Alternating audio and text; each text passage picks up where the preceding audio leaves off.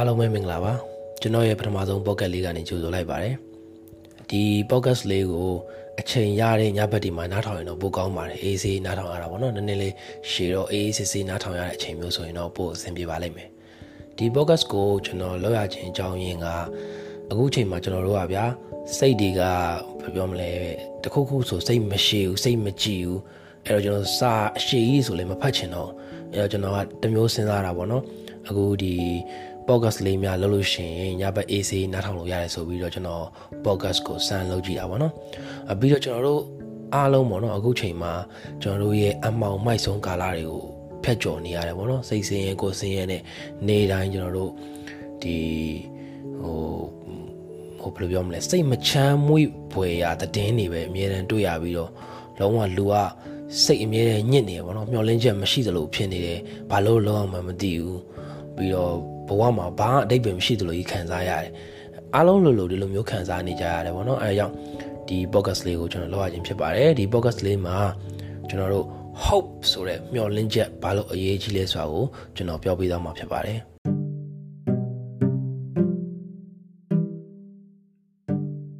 အဲ့တော့ဒီ hope ကဘာလို့အရေးကြီးရလဲဒီအကြောင်းကိုကျွန်တော်ပြောပြတာကတော့ကျွန်တော် man's search for meaning ဆိုတဲ့စာအုပ်ပေါ့နော် ဒေါက်တာဗစ်တာဖရန်ကယ်ရေးတာပေါ့နော်အဲနောက်တစ်အုပ်က the choice ဆိုတဲ့စာအုပ်သူကလည်းဒေါက်တာ Edith Eger ရေးတာသူတို့နှစ်ယောက်တလုံးကကျွန်တော်တို့ Auschwitz survivor တွေပေါ့နော် Auschwitz ဆိုတဲ့ဒီနာဇီတွေရဲ့အကျဉ်းစခန်းပေါ့အလောက်ကျန်းအကျဉ်းစခန်းကနေလွတ်မြောက်လာတဲ့လူတွေပဲပေါ့နှစ်ယောက်လုံးอ่ะเนาะအဲ့တော့သူတို့ရေးတဲ့စာအုပ်ဒီကိုဖတ်ပြီးတော့ကျွန်တော်တို့အခုလက်ရှိ မြန်မာနိုင်ငံမှာဖြစ်ပျက်နေတဲ့အဖြစ်အပျက်တွေစိတ်ခံစားမှုတွေနဲ့တချို့နေရာတွေမှာနည်းနည်းသဘောတရားချင်းစင်တူတာတွေတွေ့ရတယ်ပေါ့အဲ့ဒီကနေကျွန်တော်ဒီအကြောင်းကိုပြောဖြစ်ဖို့ဆုံးဖြတ်လိုက်တာပေါ့နော်ဒီ man's search for meaning ဆိုတဲ့စာအုပ်ထဲမှာအဓိကဒီစာရေးဆရာကရေးထားတာကဒီ Auschwitz အကျဉ်းစခန်းတွေတဲကအကျဉ်းသားတွေရဲ့စိတ်ပိုင်းဆိုင်ရာတွေကိုသူကသူတည်တနာပြုတ်ပြီးတော့ရေးထားတာပေါ့နော် အဲကျွန်တော်တို့လက်ရှိမြန်မာနိုင်ငံမှာခံစားနေရတဲ့စိတ်ခံစားမှုတွေဥပမာစိတ်ဆင်းရဲမှုတွေကြောက်လန့်မှုတွေမျှော်လင့်ချက်မှဲမှုတွေဒါတွေကအဲ့အချင်းစကန်းတွေကလူတွေကလည်းအကုန်လုံးခံစားရတယ်ဗောနော်သူတို့ကတော့ပိုဆိုးတာဗောသူတို့ကတော့လုံးဝမျှော်လင့်ချက်မရှိသလောက်ဖြစ်နေတဲ့အနေအထားဗောနော်ဒါပေမဲ့အဲ့အချင်းစကန်းတွေကနေလွတ်မြောက်လာသူတွေရှိခဲ့တယ်အဲ့လွတ်မြောက်လာတဲ့သူတွေစီကနေကျွန်တော်တို့သင်ခန်းစာယူစရာရှိတယ်ဗောအဲ့ဒီကသင်ခန်းစာယူဖို့အကောင်းဆုံးကတော့ ဒီ hope ဆိုတဲ့မျှော်လင့်ချက်ပေါ့နော်ပြီးတော့ဒီ meaning ဆိုတဲ့ဘဝအတိတ်ပဲပေါ့လူတယောက်ကဘဝမှာဘဝအတိတ်ပဲမရှိတော့ဘူးလို့ခံစားရရင်အသက်ရှင်ဖို့သူစိတ်ဝင်စားတော့မှာမဟုတ်ဘူးပေါ့တခါလေကြာရင်ဘဝမှာအတိတ်ပဲမရှိသလိုကြီးခံစားရတယ်ဗျာဆက်ပြီးတော့ဘလို့အသက်ရှင်ရမှန်းမသိဘူးအဲ့ဒါအဓိကကတော့ကျွန်တော်တို့ဘဝမှာအတိတ်ပဲပျောက်ဆုံးသွားတာပေါ့နော်အဲ့တော့ဒီစာအုပ်ကကျွန်တော်တို့ကိုယ့်ရဲ့ဘဝအတိတ်ပဲကိုဘလို့မျိုးရှာဖွေမလဲ မျောလင်းချက်ကိုဘယ်လိုဆက်ထားမလဲဆိုတော့အဓိကပြောပြရတယ်ပေါ့နော်အဲ့တော့ဒီစာအုပ်ကိုအဓိကကိုးကားပြီးတော့ကျွန်တော်ဒီ podcast မှာပြောသားပါမယ်ကျွန်တော်ကဒီ Blinkist ဆိုတဲ့အတိုချုံ app ကိုလည်းသုံးပါတယ်အဲ့တော့အဲ့အတိုချုံ app တဲကအတိုချုပ်ထားတဲ့အချက်လက်တွေရောစာအုပ်ထဲအချက်လက်တွေရောအားလုံးကိုးကားပြီးတော့ကျွန်တော်ဆက်ပြီးပြောသားမှာဖြစ်ပါတယ်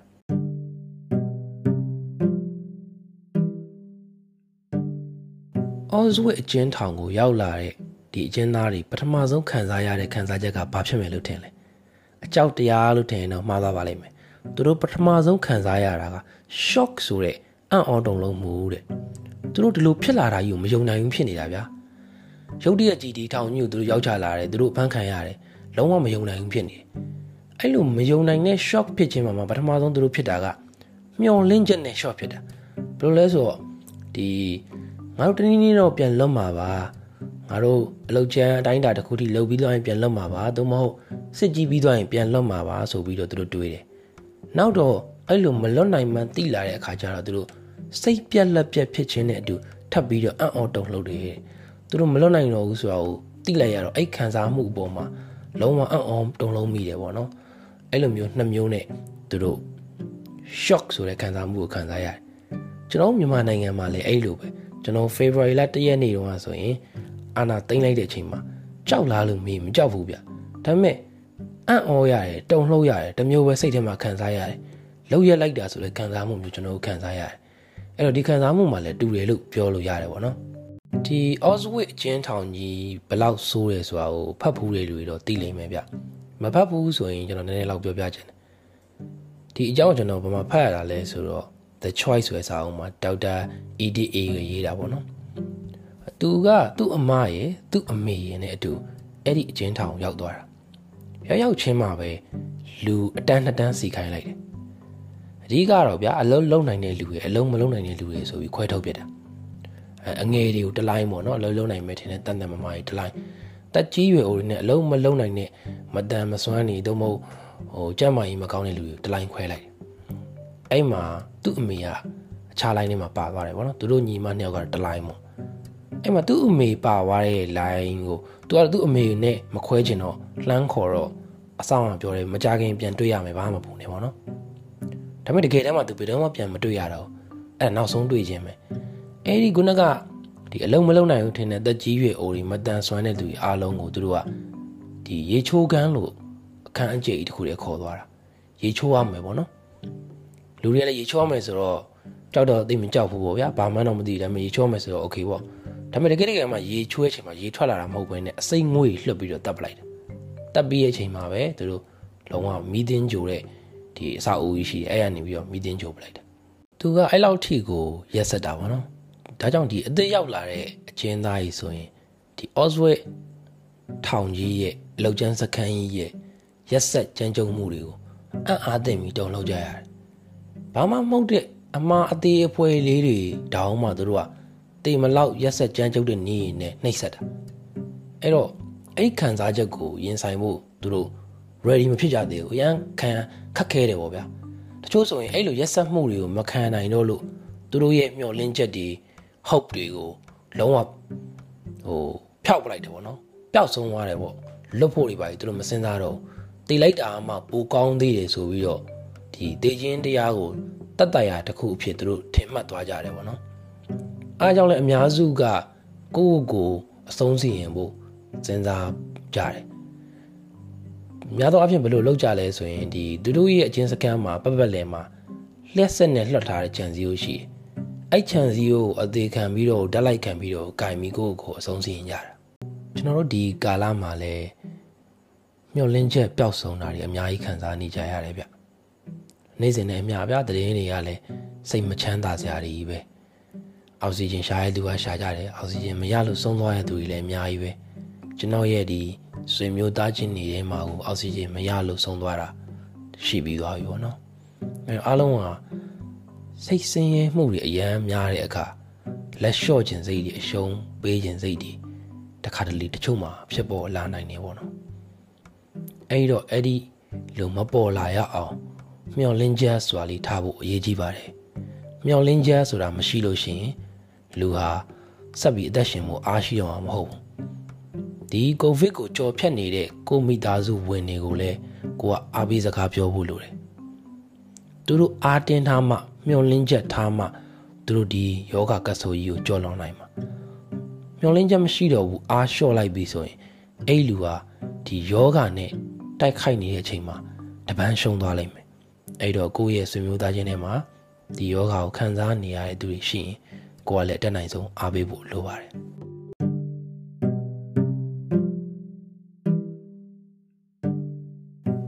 ခုနကအစာအုပ်လေးဘက်ကိုပြန်ပြီးလှည့်လိုက်အောင်မနော်အဲ့တော့ဒီစာအုပ်လေးကိုဆက်ပြီးပြောရမယ်ဆိုလို့ရှိရင်အဲ့အကျဉ်းသားတွေကဒီအော်ဇဝစ်ကိုရောက်လာပြီးရက်အနှင်းငယ်ကြတဲ့အခါမှာကျတော့သူတို့တွေကဒီအချင်းစခန်းတွေကရက်ဆက်မှုတွေတေဆုံးမှုတွေနဲ့ကျင့်သားရလာကြတယ်တဲ့ပြီးတော့အဲ့လိုဖြစ်လာတဲ့အခြေအနေမှာ ဘာမှကိုတိတ်ဆိတ်မဝင်စားပဲနဲ့လုံးဝလက်မှိုင်ချိန်မှိုင်ဖြစ်သွားတဲ့စိတ်ခံစားမှုကိုရောက်ရှိသွားတယ်တဲ့သူတို့ဒီရနေလွတ်မြောက်ဖို့လဲမျှော်လင့်ချက်မထားတော့ဘူးဒီတိုင်းပဲဘယ်လိုပြောမလဲမျောလင်းချက်မရှိဘဲနဲ့စိတ်ကိုရှော့ချပြီးနေလိုက်တာပေါ့ဗျာအဲဒီခံစားမှုကိုဒီအလူတွေလည်းရင်းနှီးကောင်းရင်းနှီးပါလိမ့်မယ်တချို့တွေအဲ့လိုခံစားနေရတာလည်းရှိကောင်းရှိလိမ့်မယ်ပေါ့အဲ့တော့ဒီချင်းစကန်တွေကလူတွေကအိတ်ကာလာရောက်တော့သူတို့ဘာတွေးလဲဆိုတော့သူတို့က survival လို့ခေါ်တဲ့ဆက်လက်အသက်ရှင်ရှင်တန်ဖို့ပဲသူတို့တွေးတော့တယ်အချစ်အကြောင်းနေဘဝမှာဘာဖြစ်ချင်တယ်ညာဖြစ်ချင်တယ်တွေဘဝမှာတည်မလားပေါ့အောင်မြင်ခြင်းတွေပဲအဲ့မတွေးတော့သူတို့ဘာမှမတွေးတော့အဲ့ဒီအစားငါဘလို့ဆက်ပြီးအသက်ရှင်တန်ရမလဲဆိုတာကိုပဲတွေးတော့တယ်အချို့အကျဉ်းသားကြီးဆိုရင်အိမ်မက်မက်ရင်တော့အစားအသောက်ကြောင်ပဲမှတ်တယ်တဲ့နောက်ပြီးတော့ဒီသူတို့အရင်တာမန်ဘဝတုန်းကအဖတ်မခံခင်ရပါတော့ အဲ့တော့နေခဲ့ရတဲ့ဘဝတုန်းကသူတို့အလေးနဲ့တံမိုးမထားမိခဲ့တဲ့ဘဝမှာအတိတ်ပဲရှိအခိုက်အတန့်နေရှိရပေါ့နော်အဲ့ဒါတွေကိုသူတို့အိမ်မက်မက်ကြတယ်တဲ့အဲ့ဒါတွေကိုပြန်ပြီးတော့တွေးကြတယ်ဥပမာဗျာကိုသားသမီးနဲ့ဆော့ကစားခဲ့တဲ့အခိုက်အတန့်နေကိုချစ်ရတဲ့သူနဲ့အတူတူရီမောတဲ့အခိုက်အတန့်နေစသဖြင့်ပေါ့နော်ပုံမှန်ချိန်မှာတော့ကျွန်တော်ဒါကိုတန်မိုးမထားမိခဲ့ဘူးပေါ့ဒါပေမဲ့ဒီအကျဉ်းစကန်နဲ့ရောက်တာကြာသွားတဲ့အချိန်မှာဒါတွေကိုတတိရလာတယ် ဒါပေမဲ့သူတို့ဒီမလွတ်မြောက်နိုင်မှန်းသိသွားတော့မိုင်းမိုင်းထိုင်းထိုင်းနေအားလုံးဖြစ်သွားတယ်လက်လျှော့သွားတယ်ဒါပေမဲ့အဲ့လိုစိတ်ခံစားမှုကသူတို့နေ့စဉ်ဘဝမှာကြုံရတဲ့ရက်ဆက်မှုတွေကနေပြီးတော့သူတို့ခဏတာလွတ်မြောက်စေတယ်ပေါ့နော်ဘယ်လိုလဲဆိုတော့ဗျာတကယ်လက်တွေ့မှာဖြစ်နေတာကြီးကိုသူတို့သိကူးမဆိုင်တော့ဘာဖြစ်ဖြစ်ဖြစ်ကွာဆိုတဲ့ပုံစံမျိုးကြီးပေါ့အဲအဲ့ဒီခံစားချက်ကအတိုင်းအတာတစ်ခုအထိသူတို့ဒီလက်ရှိခံစားနေရတဲ့နေ့တူဘဝဒုက္ခတွေကို ကာကွယ်ပေးသလိုမျိုးလေးနည်းနည်းဖြစ်တယ်ပေါ့နော်သူတို့အဲ့လိုပြောတာပေါ့နောက်ပြီးသူတို့တွေကဒီ chance of survival လို့ခေါ်တဲ့ဒီအသက်သက်ရှင်တန်မှုအတွက်ရမယ့်အခွင့်အရေးအားလုံးကိုရတဲ့အချိန်တိုင်းမှာသူတို့အမိအရာစုပ်ကိုင်းလာတယ်ဥမာအချင်းစခန်းတစ်ခုမှာအချင်းစခန်းမှာဗျာတိုက်ဖိုက်ယောဂခံစားရပြီးတော့အချင်းသားအများအပြားတည်ဆုံသွားတော့ကဆိုရင်လူတွေကအဲ့အလောင်းတွေကိုယွန်းနာမျိုးတနာတာမျိုးသိမရှိတော့ သူတို့ကအဲ့တေဆုံးသွားတဲ့သူတွေကြံခဲ့တဲ့အစာအတောက်တွေအတုံးအဆောင်တွေဖက်နှက်တွေအဝတ်စားတွေအဲ့အရာတွေကိုယူဖို့အခွင့်အရေးတစ်ခုလိုပဲမြင်သွားတယ်ကြာတော့သူတို့ရိုးသွားတာဗျတေးတာတွေကိုဒါလူရဲ့သဘောတဘာဝကိုထင်ဟပ်စေတယ်ပေါ့နော်လူဆိုတာအစိုးဆုံးခြေနေမှာဘလို့ပုံစံမျိုးဖြစ်သွားမယ်ဆိုတာကိုဒီစာအုပ်ကကော့ကော့ကွင်းကွင်းဖော်ပြတယ်ပေါ့နော်လူရဲ့အတွင်းအကြဆုံးရှေးဦးအကြဆုံး ဟိုရုပ်တရံပေါ့နော်ဒီစိတ်တရံကိုဖော်ပြတယ်ပေါ့နော်အဲ့တော့သူတို့ဘဝတွေကဗျာဒီအချင်းစကန်နေလွတ်မြောက်ဖို့လမ်းလည်းမရှိတော့အားကြောင့်မလို့သူတို့ကဘဝကြီးမှာရှင်သန်ရတာအတိတ်ပဲရှိရလို့လည်းမမြင်တော့ပုံမှန်ဆိုရင်လူစွာဗျာအနာဂတ်ကိုစိတ်ကူးရင်ပြီးတော့ရှင်သန်ကြတာများကျွန်တော်တို့ဆိုလဲနောက်နှစ်မှာဘာလုပ်မယ်ငါတို့ဘာတွေလုပ်ကြမယ်ခရီးတွေသွားမယ်ငါချမ်းသာအောင်လုပ်မယ်စသဖြင့်မျိုးမျိုးတွေးတတ်ကြတယ်ဗျာအာငါကြောင်းပြီးရင်လှုပ်လှုပ်မယ်စသဖြင့်ပေါ့ ဒါပေမဲ့အဲ့အနာဂတ်ဆိုတာကြီးကရှိမှမရှိတော့တာအဲ့တော့သူတို့ကအဲ့ဒါတွေကိုရင်မခုံတော့သူတို့ဘယ်တော့ပြန်လုပ်မယ်ဆိုတာလည်းမသိဘူးသူတို့ဘဝလုံးဝဆုံးပြီလို့ပဲယူဆလိုက်ကြတယ်အဲ့သူတို့မှသူတို့လိုချင်တဲ့ goal ဆိုတာလည်းမရှိတော့ဒီပန်းတိုင်ပေါ့နော် goal ဆိုတဲ့ပန်းတိုင်လည်းမရှိတော့ကျွန်တော်လက်ရှိဖြစ်နေတာတွေနဲ့နှိုင်းယှဉ်မယ်ဆိုရင်လည်းဗျကျွန်တော်တို့လည်းတချို့အဲ့လိုခံစားရတာရှိရပေါ့နော် လုံးဝမျောလင်းချက်ကိုစွန့်ပစ်လိုက်တဲ့လူတွေရှိတယ်ငါတို့ဘာမှဖြစ်တော့မှမဟုတ်ပါဘူးဆိုပြီးတော့မျောလင်းချက်မထားတော့ဘူးစိတ်ပြက်လက်ပြက်ဖြစ်သွားတယ်အဲ့ဒီအခါမှာရှင်တန်ရတာအတိတ်ပဲမရှိတော့သလိုဖြစ်သွားလိမ့်မယ်အဲကျွန်တော်တို့ကအဲ့ဒါကိုတိုက်ဖို့လိုတယ်ဗျကျွန်တော်တို့ကမျောလင်းချက်ကိုလုံးဝဟိုလက်လျှော့လိုက်လို့မဖြစ်ဘူးကျွန်တော်တို့မျောလင်းချက်ထားရမယ်အဲ့မျောလင်းချက်ဖြစ်လာအောင်ကျွန်တော်တို့ကလည်းတက်နိုင်တဲ့ဘက်ကနေလုပ်ရမယ်ဒါအရေးကြီးပါတယ်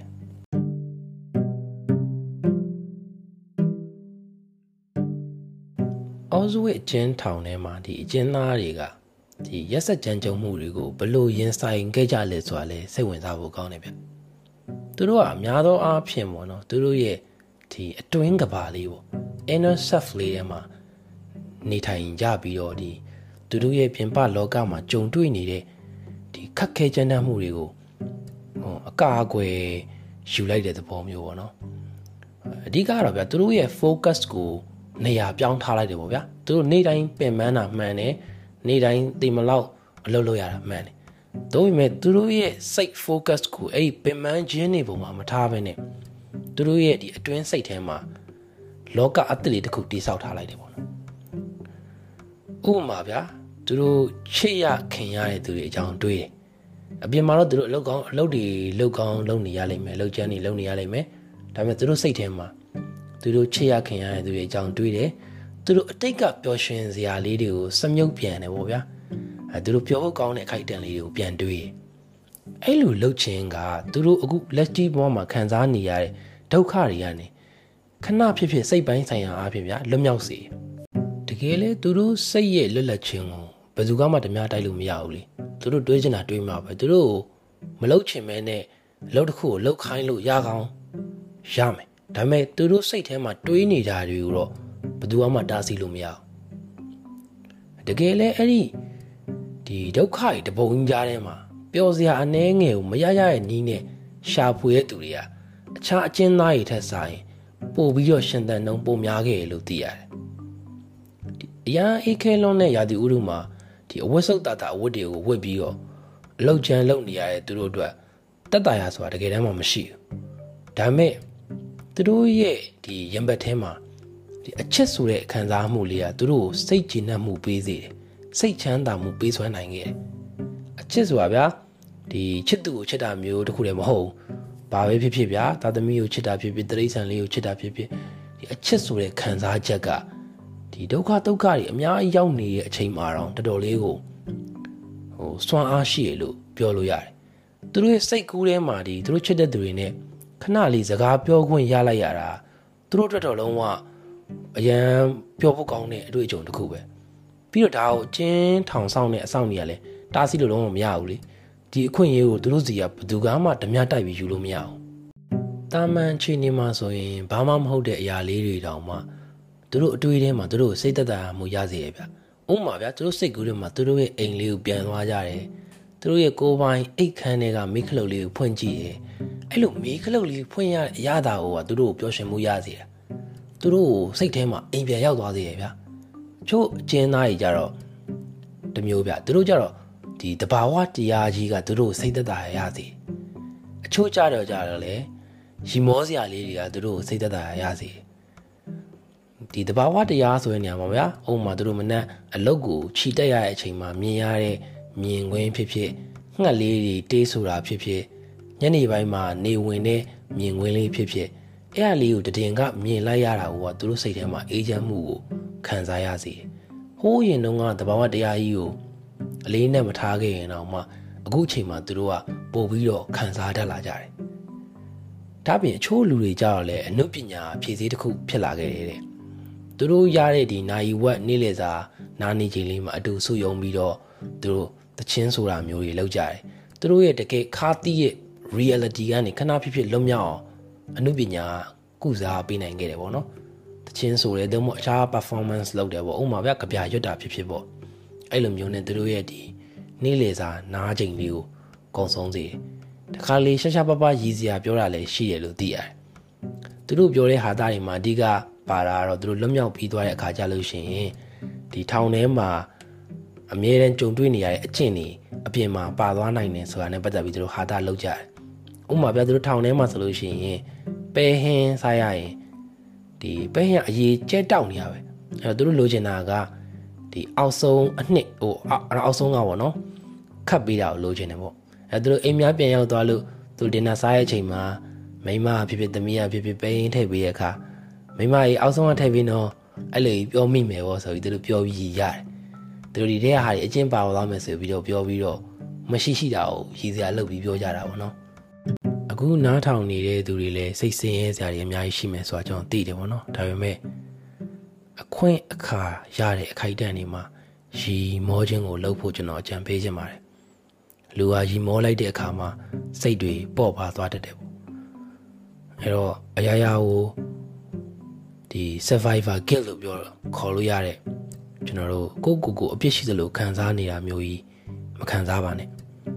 တေဆုံးသွားတဲ့သူတွေအတွက်လည်းမကောင်းပါဘူးကိုအတွက်လည်းမကောင်းပါဘူးဘယ်သူအတွက်မှမကောင်းပါဘူးအဲ့တော့ကိုကရှေ့လျှောက်ရမယ့်ဘဝကို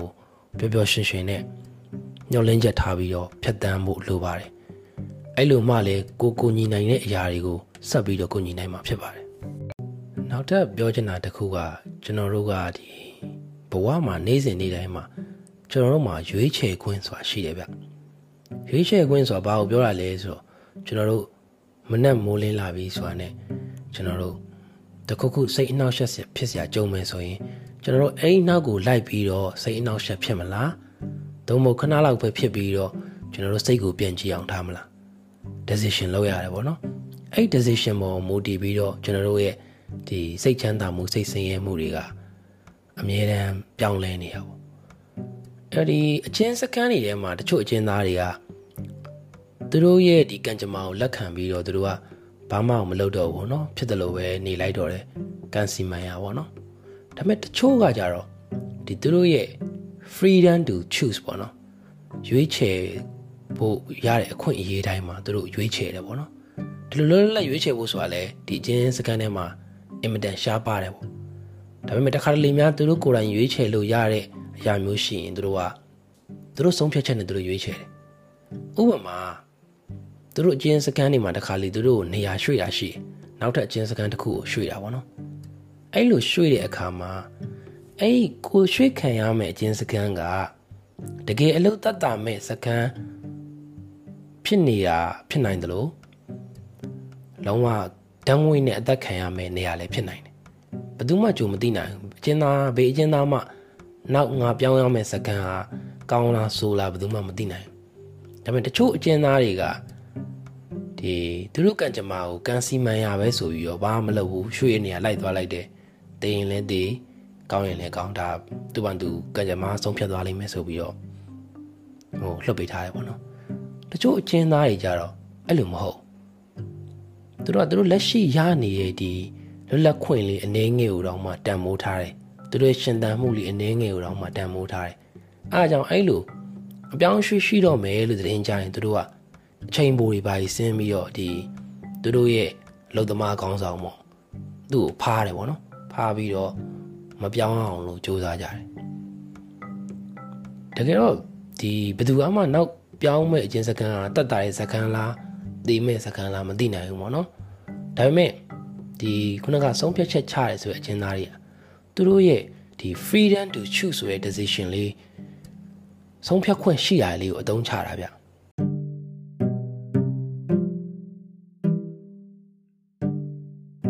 အဲ့ဒါလေတကယ်တမ်းတော့အရေးကြီးတယ်ဗျဒီဘဝကိုကန်စီမန်ရဆိုပြီးတော့မလှုပ်ပေးတော့ဘဲနဲ့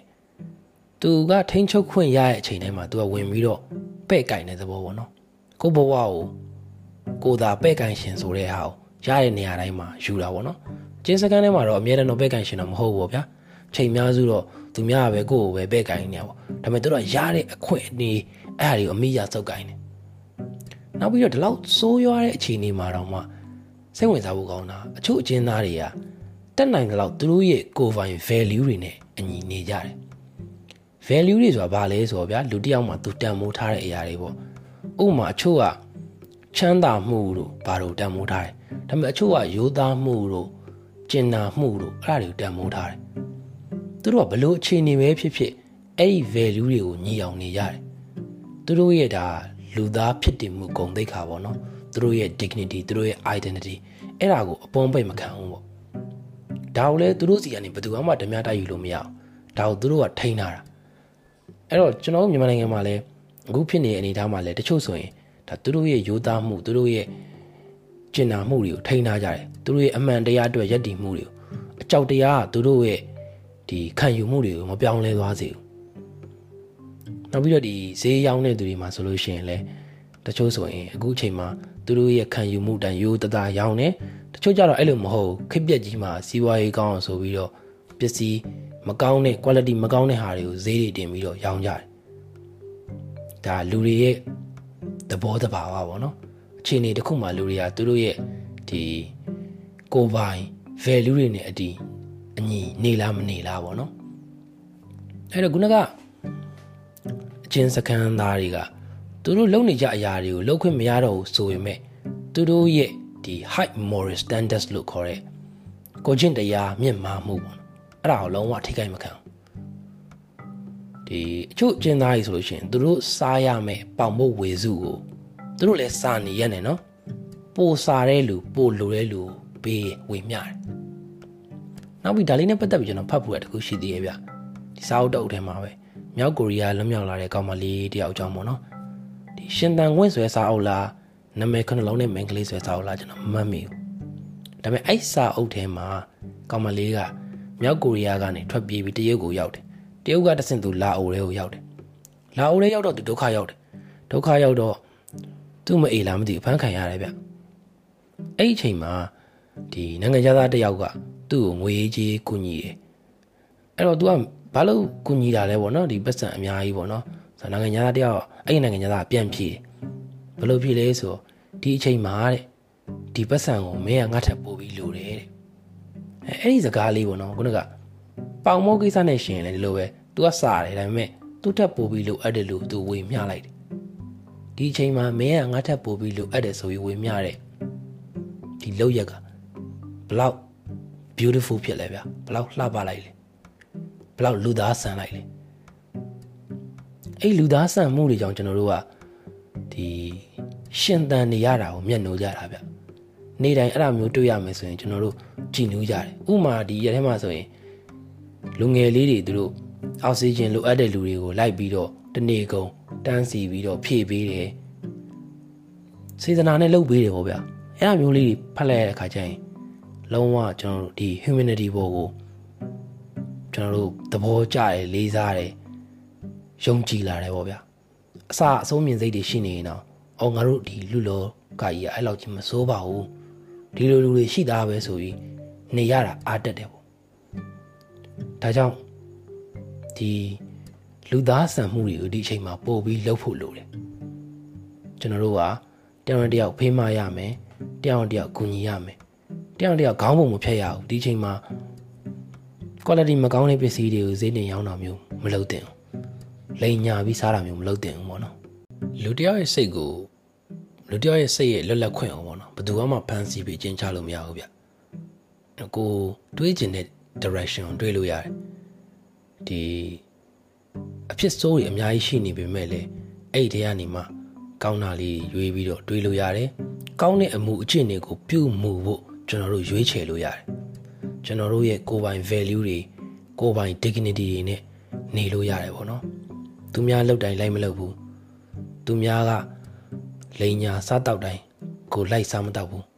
အဲ့လိုမျိုးရွေးချယ်ပြီးနေလို့ရတယ်နောက်ပြီးစာအုပ်ထဲမှာပြောထားတာလူတယောက်ရဲ့စိတ်အားတကြွမှုဟာ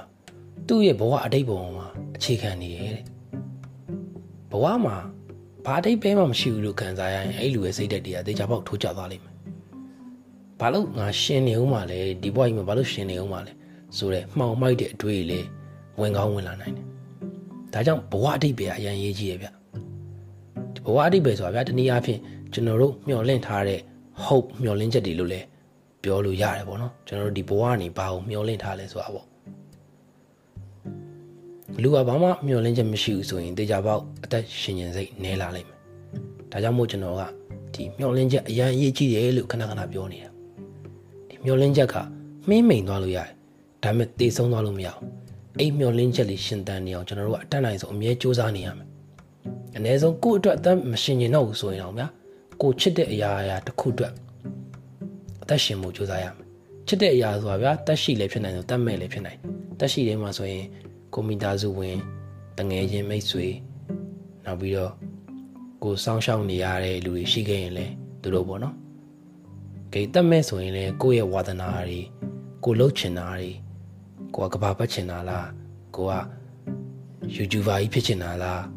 ကိုကဒေါက်တာကြီးဖြစ်ချင်တာလားစသဖြင့်ကိုဖြစ်ချင်တာတွေအဲ့အရာတွေပုံမှာကျွန်တော်တို့ကစိတ်ကိုထားဖို့လိုတယ်အဲ့ဒီပုံမှာမျောလင်းချက်ထားဖို့လိုတယ်အဲ့ဒါတွေပျောက်သွားလို့မရဘူးဒီအချင်းစကန်လေးကအချင်းသားတွေမှာလည်းဒီဘဝအတိတ်ပဲကိုမပြောက်မပြတ်အောင်ထိမ့်သိမ်းနိုင်တဲ့သူတွေကလုံးဝ ဘဝအတိတ်ပဲပျောက်ဆုံးသွားပြီးတော့မျောလင်းချက်ပျောက်ဆုံးသွားတဲ့သူတွေထက်ပိုပြီးတော့ဒဏ်ခံနိုင်ရတယ်ဒီလိုပဲဒီကာလမှာလည်းမျောလင်းချက်ရှိတဲ့သူဟာမျောလင်းချက်မရှိတော့တဲ့သူထက်ပိုပြီးတော့ဒဏ်ခံနိုင်တယ်ယောဂခံစားနေရတဲ့သူတွေလည်းဒီလိုပဲမျောလင်းချက်မရှိတော့ဘူးဆိုရင်စိတ်အားလျော့သွားရင်သေဖို့များတယ်မျောလင်းချက်ရှိတဲ့သူကတော့သူအသက်ရှင်အောင်တနည်းနည်းနဲ့တော့သူ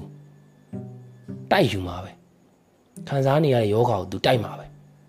အဲအားကြောင့်မို့လို့မျောလင်းချက်ထားဖို့လိုတယ်လို့ကျွန်တော်ခဏခဏပြောရခြင်းဖြစ်တယ်ဒီစာရေးသူပြောတာကိုပြန်ပြောရရင်ဘဝအတိတ်ပဲကိုရှာဖွေခြင်းကကျွန်တော်တို့ဘဝရဲ့အကြီးမားဆုံး motivation ပဲတဲ့သူပြောတဲ့အချက်ကိုထောက်ခံနေတဲ့သူတွေတနာကြီးလည်းရှိရဗျဥပမာ John Hopkins တက္ကသိုလ်ကနေကျောင်းသားတွေကိုစစ်တမ်းတစ်ခုလုပ်တယ်အဲ့မှာကျောင်းသား88ရာခိုင်နှုန်းကဘဝမှာမိမိဘဝရဲ့ရည်ရွယ်ချက် purpose နဲ့အတိတ်ပဲ meaning ကိုရှာဖွေခြင်းဟာ သူတို့ရဲ့အရေးကြီးဆုံးပဲလို့ဖြေရတယ်တကယ်လဲဘဝအတိတ်ပဲအရေးကြီးတယ်ဗျကိုဘဝအတိတ်ပဲကိုမသိတဲ့အခါမှာလူကဒီဗလာနေကြီးကိုဖြတ်တန်းနေရတယ်လို့မျိုးအသက်ရှင်ရတာအတိတ်ပဲမရှိတယ်လို့ဖြစ်နေလေဒီကိုပိုင် value တွေနဲ့အညီမနေနိုင်သူတွေဥပမာဗျာကိုယ့်ရဲ့ရိုးသားခြင်းဆိုတဲ့ value ကိုမထိန်နိုင်တော့ဘဲနဲ့ပွဲလန့်အောင်ဖြာခင်းကြတယ်ဈေးတင်ရောင်းကြတယ်အမျက်ထုတ်ကြတယ်လိန်စားကြတယ်အဲ့လူတွေကပတ်စံဘလောက်ပဲရရဗျသူတို့ရဲ့စိတ်ခံစားချက်ထဲမှာ emptiness ဆိုတဲ့ ဒီလိုအပ်ချက်တစ်ခုခုတော့အမြဲရှိနေတတ်တယ်သူတို့ဘဝမှာပြီးပြည့်စုံတဲ့စိတ်ခံစားမှုမျိုးဘယ်တော့မှခံစားမှာမဟုတ်ဘူးသူတို့အမြဲတစ်ခုခုလိုနေလိမ့်မယ်ပြီးပြည့်စုံတဲ့ခံစားချက်ကိုခံစားရတဲ့လူတွေကြတော့အတိတ်ပဲရှိတဲ့လောက်ရက်တွေသူတို့ဘဝရဲ့အတိတ်ပဲနဲ့အညီနေထိုင်တဲ့သူတွေမှာပဲရှိတတ်တယ်သူတို့ကြတော့လုံးဝသူတို့ဘဝကြီးအတိတ်ပဲရှိတယ်လို့ခံစားနေရတာလိုအပ်ချက်ပဲမရှိတော့သလိုလိုအဲ့လိုမျိုးကြီးပေါ့အဲ့တော့ ဒါကြောင့်ဘဝအတိတ်ပဲအရေးကြီးတယ်လူတိုင်းမှာဒီတူညီတဲ့ဘဝအတိတ်ပဲတော့မရှိဘူးပေါ့ဗျာလူတိုင်းမှာတယောက်တယောက်မတူကြဘူးပေါ့သူတို့ဘဝအတိတ်ပဲတချို့ကဒီ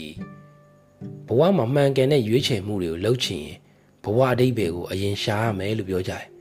ဒါပေမဲ့ဒီစာရေးသူကအဲ့အဆိုရဲ့စန့်ကျင်ဘက်ကိုအဆိုပြုထားတယ်ကျွန်တော်တို့ကဒီနေ့စဉ်နေ့တိုင်းမှာဘလို့ပြုမှုလဲကျွန်တော်ဆုံးဖြတ်ချက်တွေကိုဘလို့ဆုံးဖြတ်လဲ ကိုယ်ဆုံးဖြတ်ချက်ပေါ်မှာ responsibility ဘလို့ယူလဲဆိုတာကနေပြီးတော့ကျွန်တော်တို့ရဲ့ဘဝအတိတ်ပဲကိုပုံဖော်သွားလိမ့်မယ်တဲ့ဥပမာဘဝအတိတ်ပဲကိုထိမ့်သိမ်းထားနိုင်တဲ့အကျဉ်းသားတွေကသူတို့ရဲ့နေ့စဉ်ဆုံးဖြတ်ချက်တွေအပေါ်မှာအခြေခံခဲ့ကြတယ်သူတို့ကဗျာတဘာဝတရားရဲ့အလှကိုမြင်အောင်ကြည့်ပြီးတော့ခံစားဖို့ဆုံးဖြတ်တယ်တကယ်ဆိုရင်အကျဉ်းသားတွေထဲမှာဒီတဘာဝတရားကြီးကိုဟို fuck it ဆိုပြီးတော့ မခံစားရသူတွေလည်းအများကြီးပဲနောက်ပြီးတချို့လူတွေကသူတို့ဒီအကျဉ်းစခန်းထဲမှာသူတို့ဒုက္ခရောက်နေတာတောင်သူတို့ရဲ့ပေါင်မုတ်ကိုဝေမျှပြီးစားတယ်တကယ်ဆိုခုနပြောလို့ပဲဟို fuck it ဆိုပြီးတော့ဒီသူကကိုယ့်ဟာကိုယ်စားမယ်ကွာဘာလို့ကြွေးရမှာလဲဆိုနေလိုက်လို့ရတယ်အဲ့အဲ့အားလုံးက decision နေနော်ကျွန်တော်ပြောတာကိုသဘောပေါက်အောင်ဟိုတဖြည်းဖြည်းစဉ်းစားကြည့်လူတိုင်းက decision တွေလုပ်ရတယ်ခမ ्या လည်းဒီနေ့ decision တွေလုပ်ရတယ် ခမကူညီဖို့ဆုံးဖြတ်လို့ရတယ်မကူညီဖို့ဆုံးဖြတ်လို့ရတယ်ခမစိတ်ချမ်းသာဖို့ဆုံးဖြတ်လို့ရတယ်စိတ်ဆင်းရဲဖို့ဆုံးဖြတ်လို့ရတယ်ခမဆက်လက်ပြီးရှင်သန်ဖို့ဆုံးဖြတ်လို့ရတယ်ဆက်လက်ပြီးမရှင်သန်ကျင်တော့တဲ့စိတ်တွေဝင်အောင်လည်းဆုံးဖြတ်လို့ရတယ်အဲ့တော့ဆုံးဖြတ်ချက်တွေကနေပြီးတော့ဘဝအိဗယ်ဆိုတာပုံဖော်လာတာဘဝအိဗယ်ဟေးဆိုပြီးလိုက်ရှာလို့မရအောင်ကိုနေတိုင်းလှုပ်တဲ့အလုပ်တွေပေါ်မှာဆုံးဖြတ်ချက်တွေလှုပ်ရင်လှုပ်ရင်းနဲ့တဖြည်းဖြည်းနဲ့ပုံပေါ်လာတာ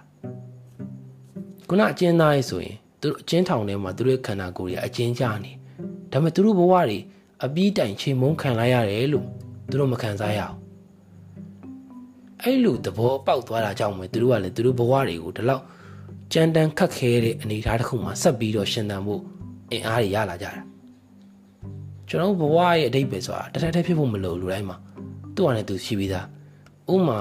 စစ်တုရင်ကျွမ်းတဲ့ဆရာကြီးတယောက်ကို ခမ ्या ဘဝမှာအကောင်းဆုံးရွှေ့ဘွက်ကဘေးဟာလဲလို့မင်း तू ကအကောင်းဆုံးရွှေ့ကဆိုတာမရှိဘူးလို့ပဲဖြစ်ဖို့များတယ်ဘာလို့လဲဆိုတော့တပွဲတပွဲမတူဘူးလေပွဲတိုင်းမှာအခြေအနေပေါ်မူတည်ပြီးရွှေ့ခဲ့တဲ့အကောင်းဆုံးအကွက်တော့ရှိကောင်းရှိလိမ့်မယ်လို့ तू ပြင်ဖြေလိုက်မယ်တပွဲနဲ့တပွဲတူမှမတူတာနေတာတစ်ခုနဲ့တစ်ခုနဲ့လည်းမတူဘူးအဲ့အတိုင်းမှာသူရွှေ့အဲ့လိုအခြေအနေတိုင်းမှာသူရွှေ့ခဲ့တဲ့အကောင်းဆုံးရွှေ့ခဲ့ဆိုတော့ရှိလိမ့်မယ်ခမားဘဝမှာလည်း ခမားဆုံးဖြတ်လိုက်တဲ့ဆုံးဖြတ်ချက်တစ်ခုပေါ့အခြေအနေပေါ်မူတည်ပြီးအကောင်းဆုံးဖြစ်သွားတာလည်းရှိလိမ့်မယ်ဒါကြောင့်ဒီသဘောတရားဘဝအဓိပ္ပာယ်နဲ့လည်းအတူတူပဲလူတိုင်းအတွက်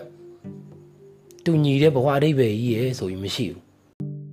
နောက်ပြီးတော့ဘဝအဓိပ္ပာယ်ဆိုတာဒီလူတယောက်ချင်းစီရဲ့အခြေအနေအချိန်အခါဆုံးဖြတ်ချက်တွေပေါ်မူတည်ပြီးဖြစ်ပေါ်လာတာမျိုးဗျဘဝအဓိပ္ပာယ်ဆိုတာမှာကန့်သတ်ချက်တွေမရှိဘူးကိုကအရင်တုန်းကဒီဆရာဝန်ဖြစ်မှအင်ဂျင်နီယာဖြစ်မှ ငါဘဝအဓိပ္ပာယ်ပြီးပြည့်စုံမယ်ငါအိမ်ကောင်းကြီးဝင်နိုင်မှပြီးပြည့်စုံမယ်စသဖြင့်ရှိကောင်းရှိခဲ့လိမ့်မယ်ဒါပေမဲ့အခုချိန်မှာကိုဘဝအဓိပ္ပာယ်ကနောက်တစ်မျိုးလည်းဖြစ်ဖြစ်သွားနိုင်တယ်ဥပမာဗျာခင်ဗျားအခုချိန်မှာဟူကာလာမှာအောက်ဆီဂျင်လိုအပ်တဲ့သူတွေကိုတနည်းတစ်ပုံနဲ့ကူညီပေးတယ်ဥပမာ page တစ်ခုမှာ volunteer လုပ်တာပဲဖြစ်ဖြစ်သို့မဟုတ်အပြင်မှာအောက်ဆီဂျင်ဘူးတွေလိုက်ရှာပေးတာပဲဖြစ်ဖြစ်ဥပမာလေးနဲ့ပြောရနော်အဲ့လိုလုပ်ပေးရင်းနဲ့အဲ့ဒါကိုနှစ်သက်ပြီးတော့ ခမရဘဝမှာတခါမှမခံစားခဲ့ရဘူးတဲ့စိတ်ထဲမှာပီတိဖြစ်တာပြီးပြည့်စုံတယ်လို့ခံစားရတယ်အဲ့မျိုးကြီးလည်းဖြစ်ကောင်းဖြစ်လာနိုင်တယ်သူတပားကိုကူညီရတာမှပျော်မွေ့တာမျိုးပေါ့နော်အဲ့တော့အဲ့ဒီပုံစံနဲ့လည်းခမရရဲ့ဘဝအဓိပ္ပာယ်ကိုရှာတွေ့သွားနိုင်တယ်အဲ့တော့ဒီနေ့ pocket ခေါင်းစဉ်က why is hope important ဆိုပြီးတော့ကျွန်တော်ကဘဝအဓိပ္ပာယ်အကြောင်းကြီးပဲအဓိကပြောနေဆိုတော့နားထောင်တဲ့သူတွေ confuse ဖြစ်ကောင်းဖြစ်လိမ့်မယ်ဒါပေမဲ့ တကယ်တမ်းမှာဒီဘဝအဓိပ္ပာယ်ကိုပြောတာကလည်း hope နဲ့သက်ဆိုင်နေတယ်ဒီမျောလင်းချက်မှမရှိတော့ရင်ဒီဘဝအဓိပ္ပာယ်ဆိုတာကြီးဘယ်သူကစဉ်းစားတော့မှာတော့မှဘာကြီးပဲဖြစ်နေဖြစ်နေငါဘာမှမမျောလင်းတော့ဘူးဒီတိုင်းပဲကန်စီမန်ရပဲနေတော့မယ်တော့ပြီဘာမှမလုပ်တော့ဘူးဆိုပြီးတော့ရေစုံမျောလိုက်လို့ရတယ်ဒါပေမဲ့ကိုကမျောလင်းချက်ထားမယ်ဆိုရင်ကိုမျောမှန်းလို့ရတဲ့အရာတွေကိုလုံနိုင်တဲ့အရာတွေအများကြီးရှိတယ်ဗျ အားကြောင့်မို့လို့ဒီကိုယ့်ရဲ့မျောလင်းချက်ကိုရှင်းသအောင်ထားဖို့လိုတယ်လို့ကျွန်တော်ပြောရတာအခုလို့ကျွန်တော်တို့အရန်ခက်ခဲနေတဲ့အချိန်ကာလကြီးမှာအထူးသဖြင့်အရန်အရေးကြီးတယ်ဘလို့မျောလင်းချက်မျိုးပဲဖြစ်ဖြစ်ဗျာကိုယ်နိုင်ငံကိုတိုးတက်စေခြင်းနဲ့မျောလင်းချက်မျိုးပဲဖြစ်ဖြစ်ကိုမိသားစုကိုစောင့်ရှောက်ပေးခြင်းနဲ့မျောလင်းချက်မျိုးပဲဖြစ်ဖြစ်လောကအတွက်တတ်နိုင်တဲ့လောက်အကျိုးပြုခြင်းနဲ့မျောလင်းချက်မျိုးပဲဖြစ်ဖြစ်ငါနိုင်ငံခြား သွားပြီးပညာသင်ခြင်းနဲ့ဆိုရက်မျောလင်းချက်မျိုးပဲဖြစ်ဖြစ်